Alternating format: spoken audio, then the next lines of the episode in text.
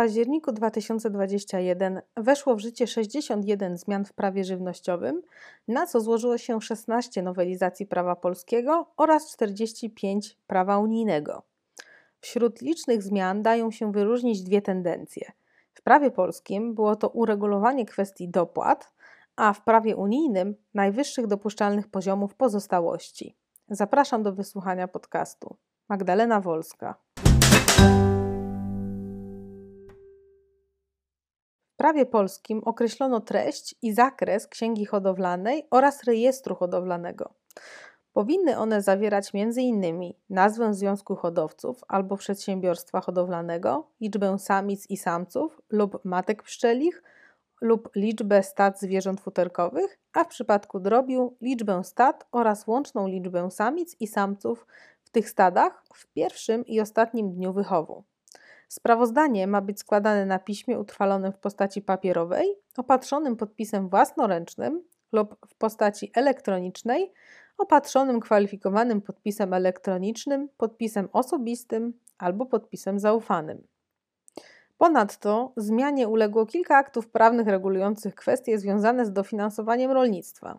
Istotne znaczenie ma znowelizowanie przepisów dotyczących wysokości stawek płatności rolno-środowiskowo-klimatycznej dla poszczególnych pakietów i ich wariantów oraz załącznik regulujący koszty transakcyjne i wysokość kwoty przeznaczonej na refundację tych kosztów. Płatność realizowana w ramach pakietu Cenne siedliska i zagrożone gatunki ptaków na obszarach Natura 2000 została wyłączona z zakresu przepisów uzależniających wysokości wypłacanej stawki od powierzchni gruntów. Określono także warunki i wysokość wypłaty zaliczek dofinansowań na rzecz podmiotu, który w 2021 roku złożył wniosek o przyznanie pomocy finansowej w ramach poddziałania Wsparcie na zalesianie i tworzenie terenów zalesionych, działanie rolno-środowiskowo-klimatyczne, rolnictwo ekologiczne oraz płatności dla obszarów z ograniczeniami naturalnymi lub innymi szczególnymi ograniczeniami. Oprócz tego określono wysokość stawki dopłaty do 1 hektara powierzchni gruntów ornych, obsianych lub obsadzonych materiałem siewnym kategorii elitarny lub kwalifikowany. Natomiast w prawie unijnym na uwagę zasługuje doprecyzowanie szczególnych warunków realizacji postanowień dyrektywy w sprawie zmniejszenia wpływu niektórych produktów z tworzyw sztucznych na środowisko. W decyzji tej ustalono m.in. metody określania masy selektywnie zebranych odpadów będących jednorazowymi butelkami, metody określania masy jednorazowych butelek wprowadzanych do obrotu oraz metody pobierania próbek i analizy składu. Z punktu widzenia znakowania żywności oraz przekazywania konsumentom informacji na temat żywności, duże znaczenie ma sprostowanie rozporządzenia nr 1169 łamane na 2011 w polskiej wersji językowej. Sprostowanie dotyczy m.in. warunków przechowywania żywności. Dotychczas należało podawać warunki przechowywania lub termin przydatności do spożycia, a zgodnie z obecnym tłumaczeniem będzie należało podawać warunki przechowywania i lub czas na spożycie żywności po otwarciu opakowania.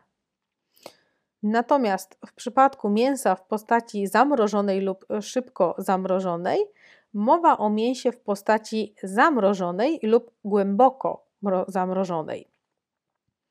Znowelizowano także przepisy dotyczące udostępniania na rynku produktów nawozowych UE w celu dostosowania ich do postępu technicznego oraz rozwoju nauki. Zmiana dotyczy np. umożliwienia dostępu do rynku wewnętrznego nawozom mikroskładnikowym w postaci soli poprzez usunięcie warunku rozpuszczalności w wodzie oraz doprecyzowano przepisy w zakresie tych składników nawozów, które utrudniały harmonizację przepisów, jak na przykład niespójne wymogi w zakresie etykietowania nawozów CE oraz ekologicznych. Przepisy w nowym brzmieniu będą miały zastosowanie od dnia 16 lipca 2022 roku. Jak co miesiąc pojawiły się również kolejne nowe ogniska afrykańskiego pomoru świń, u świń utrzymywanych w Bułgarii i w Polsce oraz jedno nowe ognisko na Słowacji u świni dzikiej.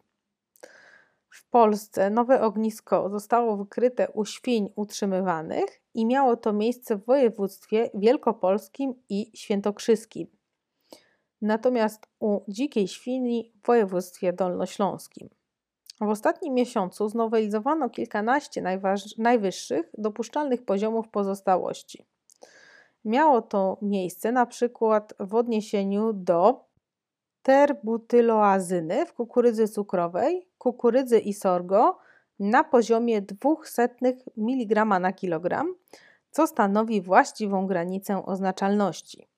Dotychczas poziom ten był ustalony na błędnym poziomie wynoszącym 100 mg na kilogram. Zmieniono także najwyższy dopuszczalny poziom pozostałości bentazonu na powierzchni grochu w strąkach.